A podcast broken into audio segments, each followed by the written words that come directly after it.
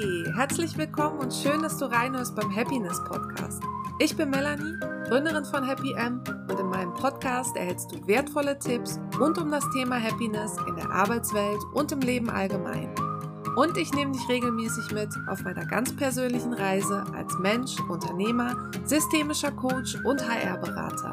Egal, ob du auf der Suche bist nach deiner persönlichen Balance im Leben oder dein Traumleben bereits führst. Hier ist für jeden was dabei. Möchtest mehr Infos zu mir und Happy M? Dann schau doch mal auf meiner Homepage vorbei. Und du findest mich auch auf den gängigen Social Media Kanälen Insta, Facebook und LinkedIn. Ach ja, und vergiss nicht, meinen Podcast zu abonnieren. So kannst du sicher sein, dass du keine Folge verpasst.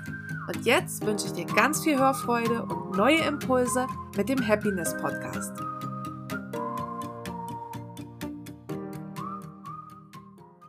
Happy Friday. Es ist wieder Freitag. Zeit für eine neue Folge des Happiness Podcasts. Schön, dass du wieder reinhörst. Freue ich mich drüber. Und ich hoffe, du bist ganz doll lieb gewesen zu dir selber. Äh, ich weiß nicht, ob du die Folge der letzten Woche bereits gehört hast. Äh, es ging um Selbstliebe und äh, wie man extra lieb zu sich selbst sein kann. Also ich hoffe, du hast ganz oft zu dir selbst gesagt, morgens im Spiegel, ich liebe mich und ich bin mega. Und diese Woche ist es, ja, es ist heute der 1. Dezember und ich habe heute vor zwei Jahren, war der erste Tag von Happy M. Also es ist heute Geburtstag, zweijähriger Geburtstag von Happy M. Ich habe damals am 15. November habe ich äh, Happy M registrieren lassen. Da hatte ich äh, vor zwei Wochen schon mal was drüber erzählt. Und äh, ja, am 1. Dezember war es dann halt wirklich soweit und bin ich äh, live gegangen mit Happy M, auch mit meiner Homepage und mit allen Instagram-Kanälen oder mit allen Social-Media-Kanälen und so. Spannender Tag. Ähm, ja, und jetzt eben zwei Jahre her. Und ich äh, habe mir für heute eigentlich mal vorgenommen, weil ich, äh, naja, ich habe Happy M vor zwei Jahren gegründet, habe meinen Job aufgegeben, meinen gut bezahlten HR-Job aufgegeben, bin aus der sicheren, aus dem sicheren Hafen des Angestelltenverhältnisses in die Selbstständigkeit gewechselt und habe jetzt die ersten zwei Jahre auch noch viel im HR-Umfeld gemacht, muss ich sagen. Und habe mir jetzt aber nach zwei Jahren überlegt, dass ich mich doch äh, viel, viel mehr auf Coaching äh, fokussieren möchte, auf äh, ja eigentlich One-on-One-Coaching und habe da ja eigentlich seit einem halben Jahr ganz viel auch für im Hintergrund entwickelt, Programme entwickelt, Produkte entwickelt äh, und da kommt auch äh, Beginn nächsten Jahres noch ganz, ganz viel Neues dazu, ganz tolle Sachen, also stay tuned. Äh, und ich habe vor einiger Zeit hier auch schon mal geteilt, dass ich mir doch ein bisschen Hilfe geholt habe, jemanden an meine Seite geholt habe, der ein bisschen äh, mitschaut, wie dies Ganze, ja, wie, wie ich eigentlich ein richtig gutes Unternehmen auf die Beine stellen kann. Äh, ein Coaching-Unternehmen, was, äh, ja, was auf, auf soliden, auf einer soliden Basis steht. Und äh, da bin ich eben dabei und dieser jemand, der ganz viel von Sales und Marketing versteht, der sagt zu mir, es ist schön und gut, wenn du hier jede Woche ganz wertvolle Tipps mit deinen äh, Zuhörern teilst, aber ab und zu wäre es schon auch mal gut, wenn du den Zuhörern auch mal erzählst, was du denn so anbietest. Sie nennen das Verkaufen. Ich äh, finde das ein ganz schreckliches Wort. Sales ist irgendwie so gar nicht meins. Aber gut, es gehört dazu. Und deshalb habe ich mir überlegt, dass ich diese Folge mal einem meiner Produkte widme und euch einfach mal mitnehme, warum habe ich das entwickelt, was müsst ihr euch da genau darunter vorstellen, für wen ist das äh, Produkt entwickelt? Und ähm, ja, was, was könnt ihr da rausholen für euch.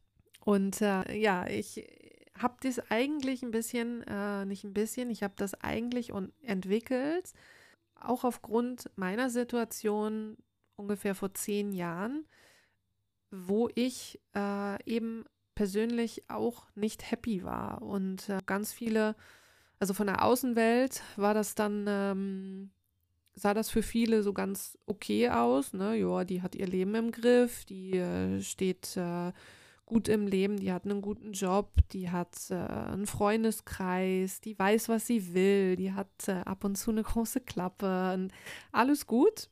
Und nur meine engsten Freunde wussten eigentlich, dass hinter der Fassade es auch nicht immer so ganz happy war. Und äh, das ist vielleicht auch noch ein bisschen untertrieben.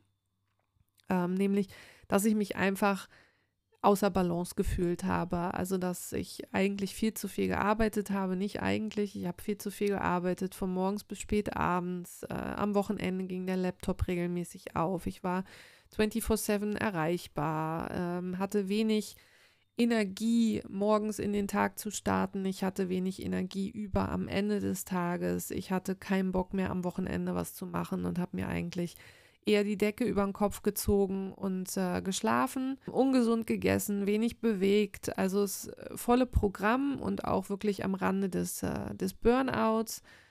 Und ich wusste damals nicht mehr so gut, ich war ein super selbstreflektierter Mensch. Ich wusste trotzdem nicht mehr so gut, was muss ich jetzt machen, was, wie kann ich das hier ändern, wo muss ich anfangen. Ich weiß, dass das sich hier nicht gut anfühlt, aber wo um Himmels willen muss ich jetzt anfangen. Und ich habe damals eben externe Hilfe bekommen von einem Coach und wir sind dann wirklich in einem längeren Coaching-Trajekt, äh, haben wir alles aufgearbeitet, haben ähm, geschaut, was ist mir wichtig im Leben, äh, was passiert hier jetzt gerade mit mir, wie, äh, was möchte ich davon, was möchte ich davon nicht. Also wirklich ein ausführliches äh, Coaching-Trajekt, äh, was auch für mich echt wirklich der Anfang einer Transformation war. Aber ich habe mir eben, als ich jetzt vor einem halben Jahr angefangen habe, meine Produkte zu entwickeln, gedacht, nicht jeder will gleich oder kann gleich, auch finanziell gesehen, in so ein komplettes Coaching-Trajekt gehen oder viele wissen, die noch gar nicht mit Coaching in Berührung gekommen sind, vorher wissen natürlich auch gar nicht, was sie von Coaching erwarten können.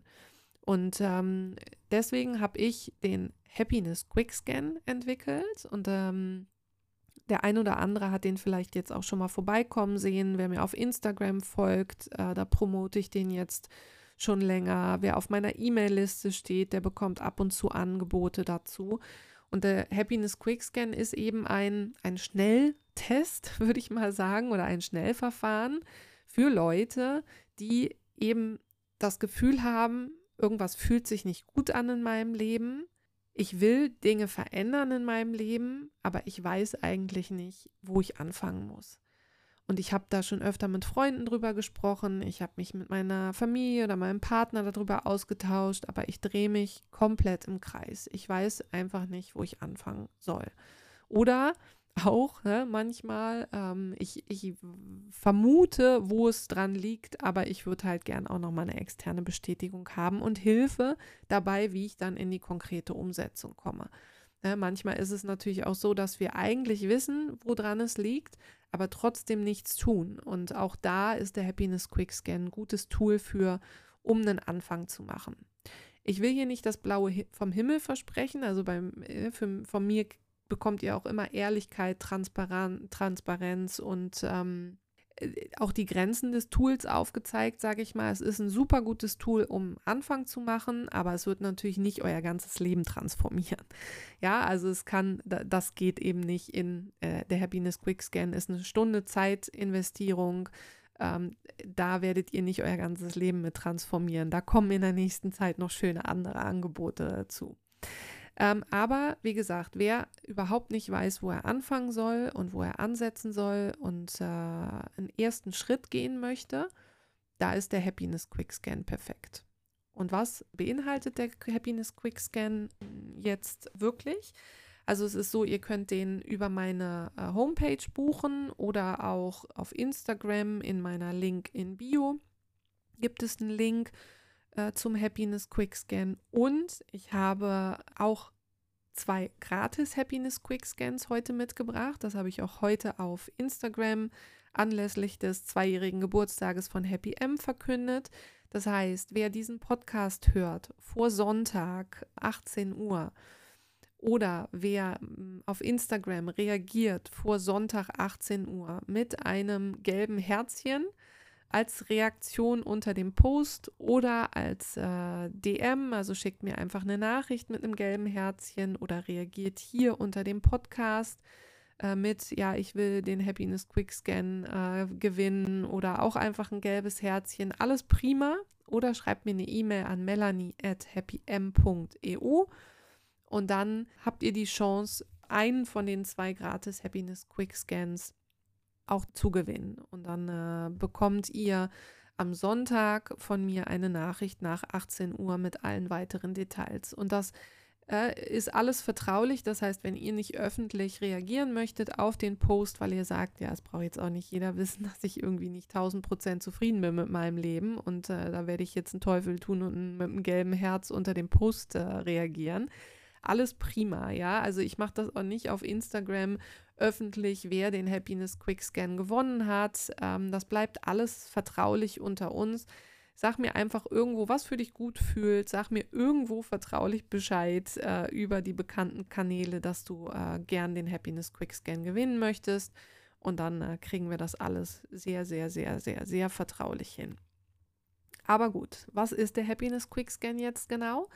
Wenn du den Happiness Quick Scan buchst oder gewinnst, dann bekommst du automatisch ein äh, Workbook, ein, äh, ja, wie, wie, heißt das, so ein, so, ein, so ein Werkbuch. Wie sagt man das auf Deutsch? Ich glaube, man benutzt mittlerweile auch im Deutschen einfach Workbook. Das kriegst du dann als äh, PDF zugemailt und das äh, Workbook umfasst zum einen Hintergrund über, ne, was braucht es im Leben, um glücklich zu sein? Wie kommt es eigentlich, dass wir uns äh, nicht happy fühlen, dass wir uns nicht komplett im Balance fühlen? Und dann ist im zweiten Schritt enthält dieses Werkbuch eben ein Assessment, ein Self-Assessment, wo du selber deine verschiedenen Bereiche im Leben beurteilst. Äh, wie ist deine heutige Situation und wo möchtest du hin? Und auf welche Lebensbereiche möchtest du äh, in der nächsten Zeit den Fokus legen. Äh, das dauert eine halbe Stunde, also auch da wirklich Zeit dann für nehmen, nicht so zwischen Tür und Angel oder zwischen zwei Meetings oder wie auch immer, sondern wirklich dann auch mal zurückziehen mit einer Tasse Tee, ein paar Mal ein- und ausatmen, wirklich kurz auch zu sich selber kommen und dann eine halbe Stunde wirklich da auch gut für sich selber reflektieren und drüber nachdenken mit Hilfe des Assessments geht das relativ einfach dann, auch für jemanden, der das noch, noch nie vorher gemacht hat. Und dann, wenn du das Assessment gemacht hast, im nächsten Schritt äh, enthält das Workbook einen Link, wo du draufklicken kannst und wo du dann deinen 30-minütigen Zoom-Call, Online-Call mit mir buchen kannst zeitlich richten wir uns danach dir. Also das äh, Workbook bekommst du zugeschickt. Du entscheidest, wann du dich da dran setzt, wann es bei dir passt, wann du dich, wann du die Zeit dafür nehmen möchtest. Und genau das gleiche gilt auch für den Zoom-Call. Du kommst über diesen Link in meine Agenda. Da stehen ähm, meine Zeiten, zu denen ich, äh, an denen ich Zeit habe für dich. Da suchst du dir eine Zeit aus und sollte zum Beispiel keine passende Zeit für dich dazwischen sein. Ich habe abends oder am Wochenende keine Zeiten einfach öffentlich freigegeben, weil ich da natürlich auch ein bisschen meine eigene äh, Work-Life-Balance äh, versuche zu schauen.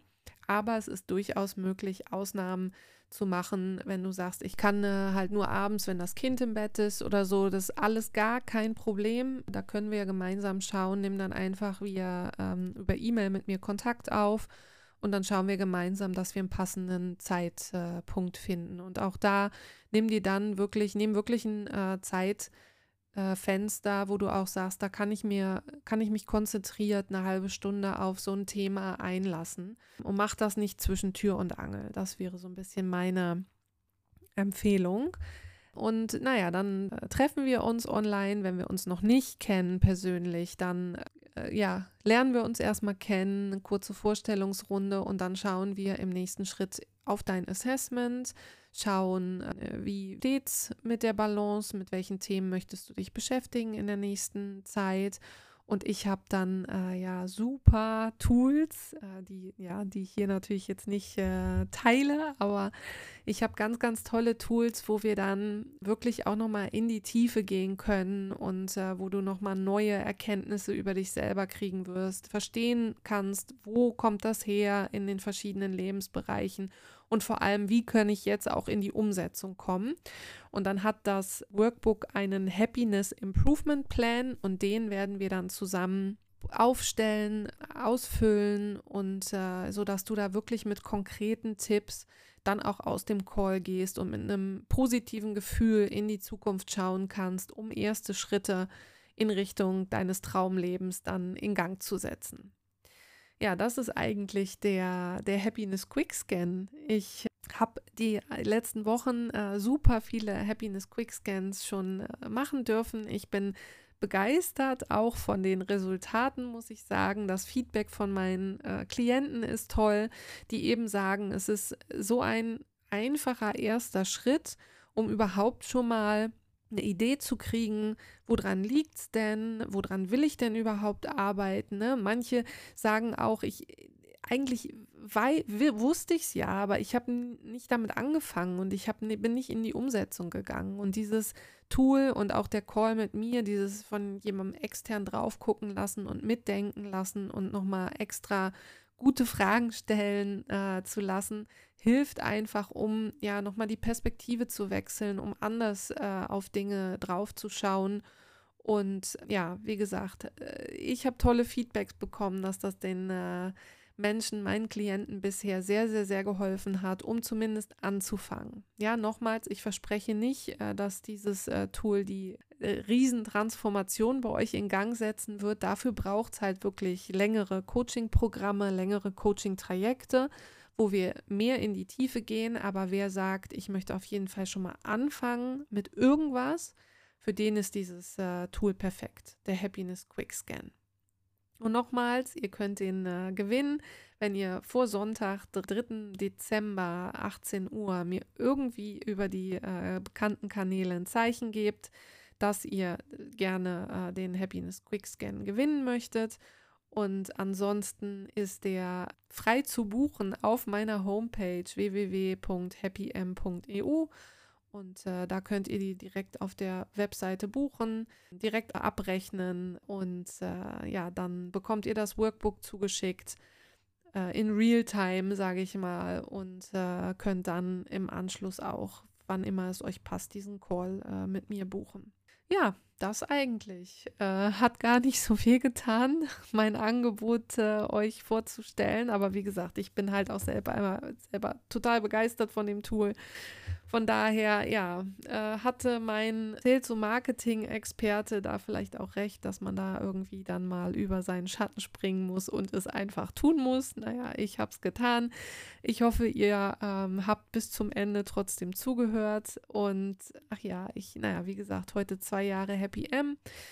Ich habe mir heute äh, zur Feier des Tages mal äh, wieder irgendwie so ein Out-of-Comfort-Zone-Ding ausge ausgesucht. Das heißt, ich werde heute nicht so viel arbeiten. Ich habe heute keine beruflichen äh, Absprachen, keine beruflichen Termine. Ich hatte mir halt gesagt, zwei Jahre Happy M ist auch ein Grund zu feiern und dann machen wir einfach mal einen Tag Go with the Flow.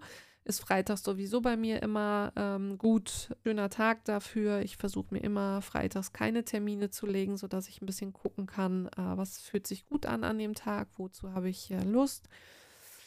Und heute ist das eine Probestunde Boxen.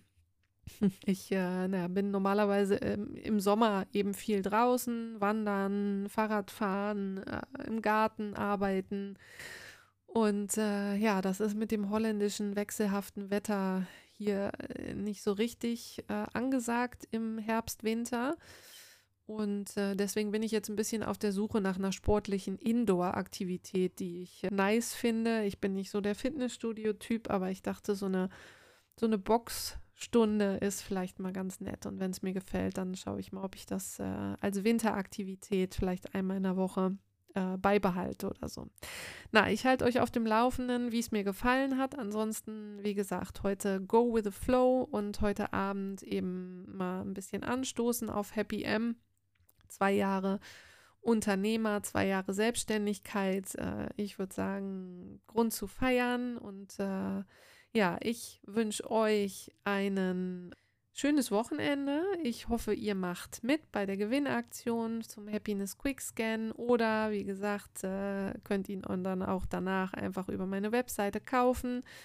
Äh, ich hoffe, dass ich euch ganz bald in einem Zoom-Call zum Happiness Quickscan persönlich treffe und spreche. Und ansonsten freue ich mich, wenn ihr nächste Woche wieder reinhört beim Happiness Podcast. Ciao! Das war wieder eine Folge des Happiness Podcast. Hast du Fragen oder Feedback für mich oder Ideen zu Themen, die du gerne im Podcast hören würdest? Dann schreib mir eine Mail an melanie at happym.eu oder schick mir eine Nachricht auf Insta oder LinkedIn. Hat dir die Folge gefallen? Dann hinterlass mir super gern ein Review, indem du oben auf die 5 Sterne klickst. Nochmals, danke, dass du wieder dabei warst und bis zum nächsten Mal beim Happiness Podcast.